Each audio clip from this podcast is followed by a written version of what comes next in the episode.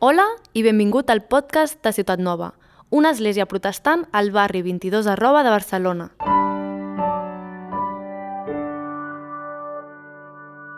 Doncs fem la lectura d'Isaïes 40 i comencem llegint des del verset 3.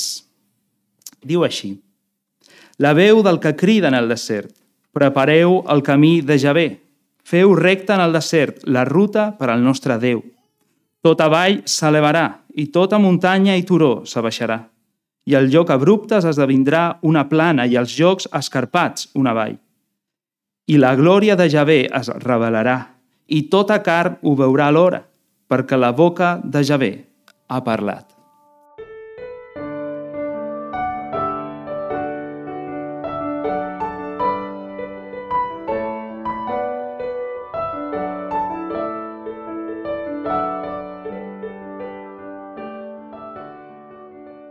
Com dic, avui tenim només un sol verset per parlar, per compartir, però que, sens dubte, amaga una gran realitat. Tots, penso, des de petits, però també quan som grans, sempre ens crida més l'atenció als regals que són més grans, veritat? Si ens deixen escollir, nosaltres anem directament a pels regals que són més grans, però molt sovint sabem que els regals més petits són els més valuosos. I això és el que tenim en aquest petit verset 5 del capítol 40 d'Isaïes. Aquest verset petit amaga una gran realitat, una realitat tan gran que diria bàsicament, sense exagerar, que dona resposta a tots els mals de l'ésser humà. Tots passem per moments a la nostra vida en els que hem tingut que reconèixer que només una intervenció divina podria donar-nos la solució. Sigui una malaltia, sigui una situació econòmica greu, sigui una relació difícil o qualsevol circumstància que ha produït por o angoixa als nostres cors. Tots, grans, joves, petits, una situació en el teu matrimoni, una prova mèdica amb resultats no gaire positius, un negoci a punt de tancar, un fill que només et porta disgustos, una sensació contínua de sentir-te sol incomprès a la vida. Tots aquests problemes són una realitat en un món que des de la gran rebel·lió de l'Eden està completament trencat i exposat a aquest tipus de coses. Però la paraula de Déu ens diu que tot el que necessitem és una sola cosa. I per res en el món, en aquest dia, jo voldria minimitzar o simplificar, tractant a la lleugera qualsevol d'aquests problemes, de veritat, no és la meva intenció. Però el nostre text d'avui ens diu que la nostra necessitat més gran a la vida és tenir una visió clara de la glòria de Déu. Aquesta visió ho posa tot en perfecte equilibri, regula els nostres pensaments, calibra els nostres sentiments i els desitjos que surten del nostre cor. I això és el que encapçala d'alguna manera el nostre verset d'avui. I el desenvoluparem aquest pensament en tres punts principals. El primer, una necessitat universal. El segon, una incapacitat universal. I en tercer lloc veurem una esperança universal. El primer que veiem quan parlem de la glòria de Déu és que hem de parlar d'una necessitat universal que tots tenim. El text ens parla de la glòria de Javé. Ara bé, què significa això, aquesta paraula tan rara, la glòria de Déu? Com la definim? És important que comencem per aquí per entendre bé de què estem parlant tota l'estona. I a lo millor ens ajuda aquesta il·lustració. Quan parlem de la glòria d'alguna persona, per exemple, d'un gran conqueridor, d'un esportista molt famós, d'un actor, una actriu de cinema, bàsicament estem parlant d'allò que li dona renom, fama, reputació a aquesta persona d'allò que el fa especial entre els demés, digne de la nostra admiració, de Joança. Comporta, diríem, tot allò que la persona és i fa. Bé, doncs quan parlem de la glòria de Déu, ens estem referint a tot allò que li dona renom a Déu, fama al seu nom, tot allò que el fa digne de la nostra admiració, de que el coneixem i de que el reconeixem a la nostra vida. Però a diferència dels altres exemples anteriors, la glòria de Déu no depèn de condicions externes a si mateix. Les persones no poden mantenir una glòria consistent a la seva vida, sobretot si les mirem de prop, veritat? Dirà el verset 6 eh, d'Isaías 40, 40, tota la seva glòria és com la flor del camp, que avui és, però demà no. Però Déu manté sempre la seva glòria intacta. Ell no depèn de que el reconeguin els homes o no, és una glòria inherent en ell, forma part d'ell, és immutable, no canvia, sempre brilla igual. I ens ajudaria una altra il·lustració. Imagina't que tothom fos sec, invident. El sol continuaria brillant amb la mateixa intensitat que ara. El sol no depèn de que nosaltres el veiem o no. De la mateixa manera és Déu. Si tothom fóssim ateus, no creients, això no minvaria en res la seva glòria. Ell continua sent igual d'admirable. El vegis o no, el reconeguis o no. Ell és l'etern, el creador totpoderós de l'univers. Ara, anem per un moment al llibre d'Èxode, Èxode capítol 33. Moisès, al verset 18, li va demanar el següent a Déu. Et prego que em mostris la teva glòria. Què li estava demanant Moisès a Déu? Bàsicament, veure tot allò que el fa ser l'ésser més extraordinari que existeix i més admirable. I com el va respondre Déu? Verset 20 del mateix capítol. No pots veure la meva faç, perquè cap home no pot veure'm i viure. En altres paraules, la glòria de Déu és tan admirable, la seva bellesa és tan gran, que bàsicament ens mataria, ens destruiria si la poguéssim veure de forma plena sobretot contrastant amb la nostra feblesa i amb la nostra corrupció humana. Però escoltem llavors el que sí li diu Déu a Moisès, verset 19 del mateix capítol 33. Jo faré passar tota la meva bondat davant del teu rostre i proclamaré el nom de Javé davant teu. Verset 22 i 23 diu I s'esdevindrà que quan passi la meva glòria, jo et ficaré dins d'una esquerda de la roca i et cobriré amb el meu palmell fins que hagi passat. Després apartaré el meu palmell i tu veuràs la meva esquena, però la meva faç no es podrà veure. Un llenguatge figurat, veritat, perquè Déu ni té esquena, ni té palmells. Però el que li està dient a Moisès és que no el podrà veure directament, però el que sí és que escoltarà el seu nom. El nom vol dir la identitat de la persona el seu caràcter, les seves actituds, és a dir, com és Déu, qui és Déu. Llavors, el matí següent, a la cima de la muntanya del Sinaí, ens diu el següent capítol, Èxode 34, a partir del verset 5, que el Senyor baixà dins d'un núvol i proclamar el seu nom dient Javé, Javé, Déu compassiu i misericordiós, lent per la ira i gran en bondat i veritat, que mantens la teva misericòrdia milers i perdona la iniquitat i la transgressió i el pecat. I certament ell no deixarà sense càstig el culpable, visitant la iniquitat dels pares sobre els fills i sobre els fills dels fills fins a la tercera i quarta generació. Llavors, Moisès li demana a Déu veure la seva glòria i Déu li dona a conèixer el seu nom, el seu caràcter, la seva identitat. I és això del que parlem quan diem una necessitat universal, la necessitat de la glòria de Déu, de conèixer el nom de Déu, de conèixer íntimament a Déu mateix. I per quina causa diem que tots, grans, joves, petits, necessitem conèixer a Déu íntimament? Bé, primerament és una qüestió de disseny original. Déu ens ha creat per gaudir d'ell, per gaudir de la seva glòria, de l'amistat amb l'ésser més extraordinari i admirable que existeix. Un dels documents històrics de l'Església, el Catecisme Menor de Westminster, ho diu així a la seva primera pregunta. Quina és la finalitat principal de l'ésser humà? Resposta. La finalitat principal de l'ésser humà és glorificar Déu i gaudir d'ell per sempre. Ara, aquesta necessitat s'intensifica quan afegim la gran desobediència de l'Aden. És important que entenem això.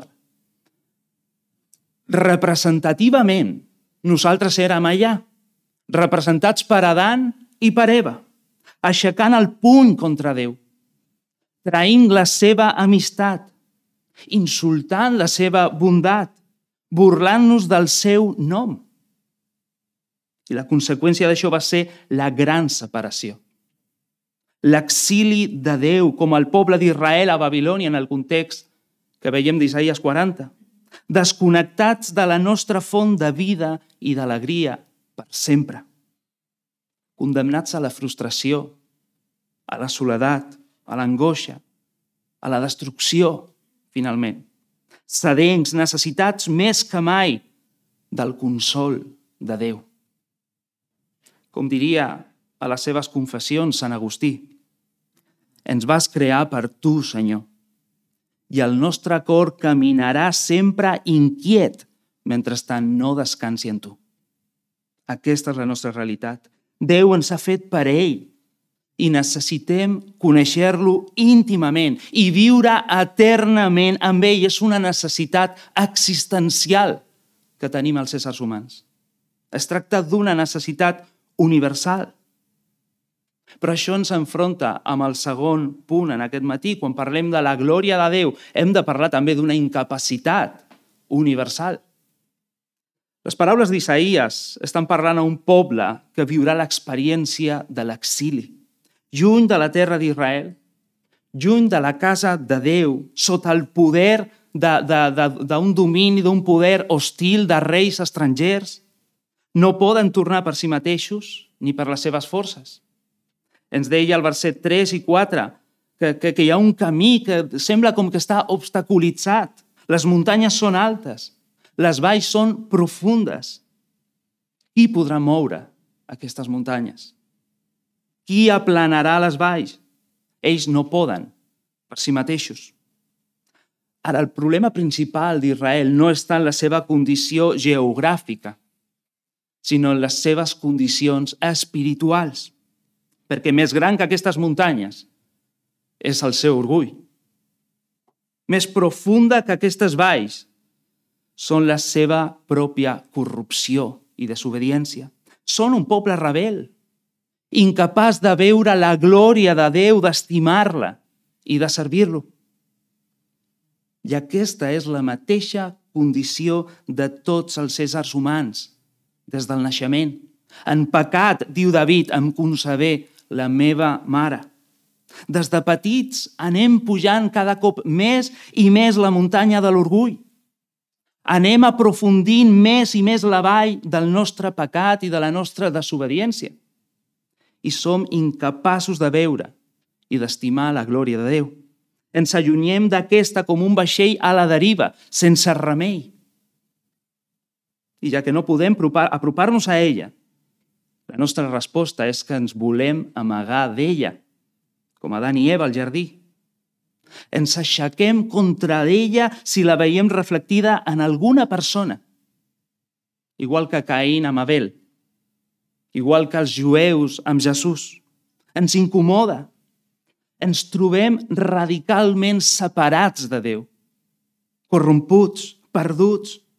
L'ésser humà no pot aconseguir la glòria de Déu, conèixer Déu d'aquesta forma amistosa i amorosa, per la seva búsqueda i pel seu esforç personal.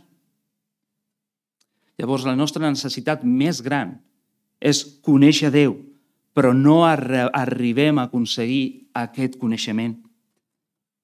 I la realitat és que sense aquest coneixement estem totalment perduts. Llavors la qüestió és, estem llavors perduts? La resposta de tota la Bíblia i del nostre petit verset en el dia d'avui és un no rotund. I és això el que ens porta al nostre tercer punt, perquè quan parlem de la glòria de Déu, hem de parlar també d'una esperança universal. Perquè diu el verset 5, la glòria de Javé es revelarà. Tota carn ho veurà alhora. Déu, ja que nosaltres no arribem, pren la iniciativa de revelar-nos la seva glòria. Ell fa el camí que nosaltres no podem fer. Com parla per boca d'Isaïes al capítol 41, jo obro rius en jocs alts, fonts enmig de les valls, faig del desert una bassa d'aigua i de la terra seca corrents d'aigua. El capítol 35 dirà i promet veuran la glòria de Javé, l'esplendor del nostre Déu, Seran oberts els ulls dels cecs, les orelles dels sords seran destapades, el coix saltarà com un cervatell, la llengua del mut cantarà.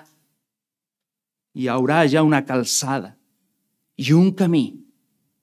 Serà anomenat camí de santedat. Déu fa el camí cap a nosaltres. Déu ha revelat a l'ésser humà la seva glòria. Ho ha fet a la creació. Diu David al Salm 19, els cels declara la glòria de Déu i l'expansió proclama l'obra de les seves mans. La creació ens dona un coneixement general de qui és Déu. És com ho diu l'apòstol Pau a Romans capítol 1, verset 20, diu el seu poder etern, la seva divinitat, la seva existència són clarament visibles des de la creació. És clar que hi ha un creador, un dissenyador, un arquitecte que és poderós, que és bondadós, que és savi, darrere de tot el que podem veure. Ara bé, aquest coneixement no és suficient per apropar-nos a Déu.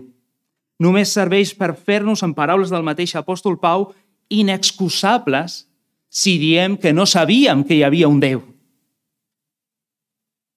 Aquesta revelació de la glòria de Déu general diem que és suficient per condemnar-nos, però insuficient encara per salvar-nos. Necessitem una revelació encara més específica, més concreta, més encarnada de la seva glòria. Ara Déu també ens ha revelat de la seva glòria de forma més específica a la història, concretament a la història de l'Antic Testament, on Déu es presenta com aquest gran creador que es va revelar a Abraham que va obrir el mar roig a Moisès, qui rescata Israel d'Egipte, qui dona lleis sàvies al seu poble per viure com una nació exemplar, gloriosa enmig de totes les nacions, qui sosté enmig del desert el seu poble, qui aixeca i tomba imperis, qui doblega el cor dels reis allà on ell vol, qui jutja les nacions, qui protegeix el seu poble, podríem dir que tota la història de l'Antic Testament és la història de la glòria de Déu.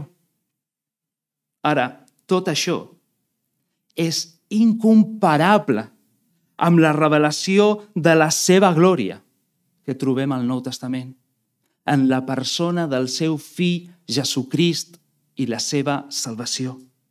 És interessant a l'Evangeli de Lluc, capítol 3, verset 6, enregistrant les paraules de Joan el Baptista, ell fa ús d'aquestes paraules, d'aquest verset 5 d'Isaïes, però trobem que en lloc de dir la glòria de Yahvé es revelarà i tota carn la veurà alhora, ell diu i tothom veurà la salvació de Déu.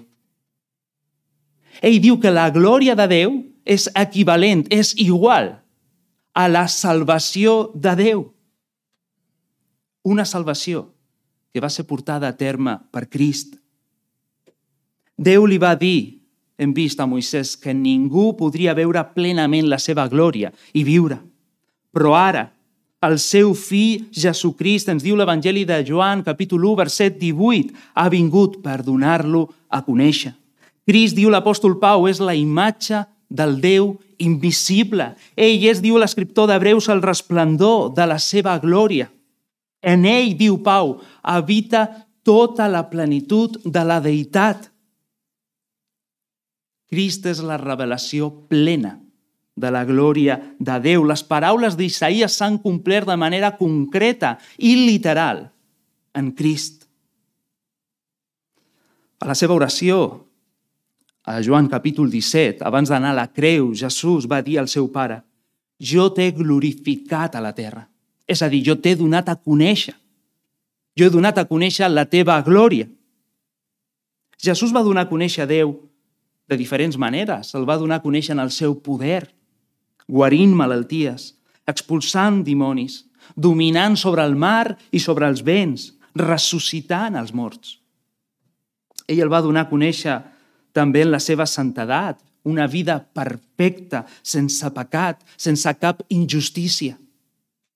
També el va donar a conèixer en el seu amor i compassió, apropant-se als més vulnerables, guarint els malalts, alliberant els oprimits del diable, aixecant la seva veu contra les injustícies socials, els abusos religiosos, tractant amb tanta tendresa els nens i els més rebutjats d'aquella societat. Vols conèixer Déu? Mira el seu fill. Mira Crist. Ell està revelant la glòria de Déu. Déu és com ell. El qui m'ha vist a mi, va dir Jesús al seu deixeble Felip, ha vist el Pare. Ara bé, preparem-nos per la revelació més impressionant de la glòria de Déu. Déu no tan sols va revelar la seva glòria enviant el seu fill al món, en la seva persona, en el seu caràcter, en els seus fets, sinó especialment en la salvació que Crist va portar a terme per mitjà de la creu. I com és que podem veure la glòria de Déu a la creu? En un instrument tan fastigós, tan cruel, tan violent, tan maleït, tan vergonyós? La creu de Crist és l'espai on Déu desplega tota la seva glòria tots els seus atributs com en cap altre lloc a la història de la humanitat. A la creu veiem la saviesa de Déu en acció, aconseguint el camí perfecte per rescatar-nos. El fill de Déu, la segona persona de la Trinitat encarnat, 100% Déu, 100% home, representant perfectament les dues parts implicades, sent un mediador perfecte entre Déu i els homes, oferint un sacrifici ideal per substituir els fills d'Adan com a home i donant un sacrifici de valor etern com a Déu. Res menys podria salvar-nos de la justa ira de Déu pels nostres pecats. És la saviesa de la creu. A la creu veiem també el poder incomparable de Déu, on el fill de Déu, dèbil, morint, va vèncer l'imperi de Satanàs i de la mort amb la seva pròpia mort i va alliberar-nos i va donar-nos vida eterna a tots els que hem cregut en ell. I va aixecar-se de la mort. Diu Pau quan parla de la creu que allà es veu el poder de Déu i la saviesa de Déu. Però a la creu veiem també la justícia perfecta de Déu. Una sola pregunta conté la qüestió més important de la humanitat. Una sola pregunta. Com podrà un Déu just perdonar pecadors i continuar considerant-se just? Un jutge no pot perdonar un criminal. Això és immoral. No pot donar simplement perquè a ell li agrada el seu perdó a un lladre o un assassí. Això dic és immoral. Un jutge ha de fer justícia. Però a la creu veiem com la justícia i la misericòrdia de Déu s'abracen, de manera que Déu ara pot perdonar pecadors gràcies al sacrifici voluntari del seu fill en el nostre lloc. Finalment, a la creu podem veure l'amor infinit de Déu la creu de Crist és la mesura de Déu, de, de l'amor de Déu per pecadors com tu i com jo. Tu vols saber si Déu t'estima? Mira la creu. Aquella és la mesura de l'amor de Déu per tu i per mi. Déu que tant estimà el món, aquest món corromput i rebel, que va donar el seu fill, a fi de que tot el qui creu en ell no es perdi, sinó que tingui la vida eterna. Mira la glòria de Déu. Contemplem la glòria de Déu en aquella creu. Coneguem Déu en Crist i la seva salvació. Déu ha volgut revelar-nos la seva glòria a l'Evangeli, enviant Crist al món, morint a la creu per pecadors, ressuscitant amb poder perquè avui puguem ser reconciliats amb Déu i puguem conèixer-lo íntimament, amistosament, amorosament i eternament com el nostre Pare i Déu. Aquesta és la glòria de la creu, la glòria de Déu revelada en Crist. I així arribem a la nostra conclusió, recapitulant una mica. Com éssers humans tenim un problema per sobre de tots i que eclipsa a tots. Necessitem imperiosament, radicalment, conèixer a Déu. Necessitem comunió amb ell íntima, amorosa. Ho necessitem per disseny original, però també a causa de la nostra separació de Déu. I no som capaços d'arribar-nos a ell, ni tan sols som capaços de voler. Però com en el temps d'Isaïes, avui també s'escolten paraules de consol, paraules de bones notícies. Déu ha revelat la seva glòria. Déu mateix ha vingut ell a consolar-nos, s'ha donat a conèixer plenament en el seu fill Jesucrist. I ell ens convida a aquesta comunió íntima i amorosa i amistosa i eterna amb el Creador per mitjà de la creu.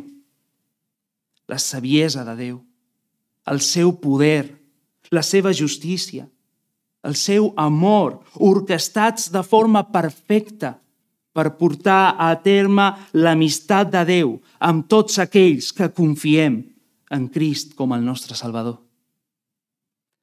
Aquest no es tracta simplement d'un missatge teòric o teològic. Déu s'ha revelat en Crist i la seva salvació. I això és per tu i per mi. Aquest és l'únic camí pel qual pots rebre el perdó de pecat i ser reconciliat i conèixer aquest Déu de glòria. Tota carn ho veurà alhora, diu Isaías. Tota carn. Quan no volem veure la glòria de Déu en Crist i la seva salvació, hem de veure la glòria de Déu en Crist i el seu judici un dia. Però tota carn veurà la glòria de Déu. Ja l'has vist tu? Ja l'has vist? Ja has conegut a Déu d'aquesta manera en Crist? Presenta't avui mateix aquest Crist en penediment i fe. Mira la glòria de Déu en ell i troba la teva salvació en ell. I de la mateixa manera, tots els que ja hem conegut a Déu en Crist, hem posat la nostra fe en el fill de Déu, no deixem de créixer mai en aquest coneixement, en aquesta relació, en aquesta intimitat amb Crist. Tot i les seves restriccions, el relat de l'Èxode ens diu que finalment Moisès va baixar d'aquella muntanya amb el seu rostre lluminós, reflectint la glòria de Déu que havia vist. Ara, amb l'arribada de Crist, ens diu l'apòstol Pau, segona de Corintis 3, 18, tots nosaltres, que amb el rostre ara descobert ja, contemplem com en un mirall la glòria del Senyor. Som transformats de glòria en glòria a la seva imatge, com per l'esperit del Senyor. L'ésser humà funciona d'aquesta forma. Ens acabem semblant a allò que més admirem. Sempre. És com un imant. Què serà quan el que més admirem a la nostra vida sigui Crist? Contemplem diàriament la glòria de la seva persona, la glòria de la seva salvació feta per nosaltres, perquè siguem diàriament més i més transformats de glòria en glòria, com diu l'apòstol Pau, fins fer-nos cada cop més i més semblants a la seva imatge, de manera que nosaltres també puguem portar aquest missatge de consol i aquest missatge d'esperança al món trencat que ens envolta. Que el Senyor ens ajudi.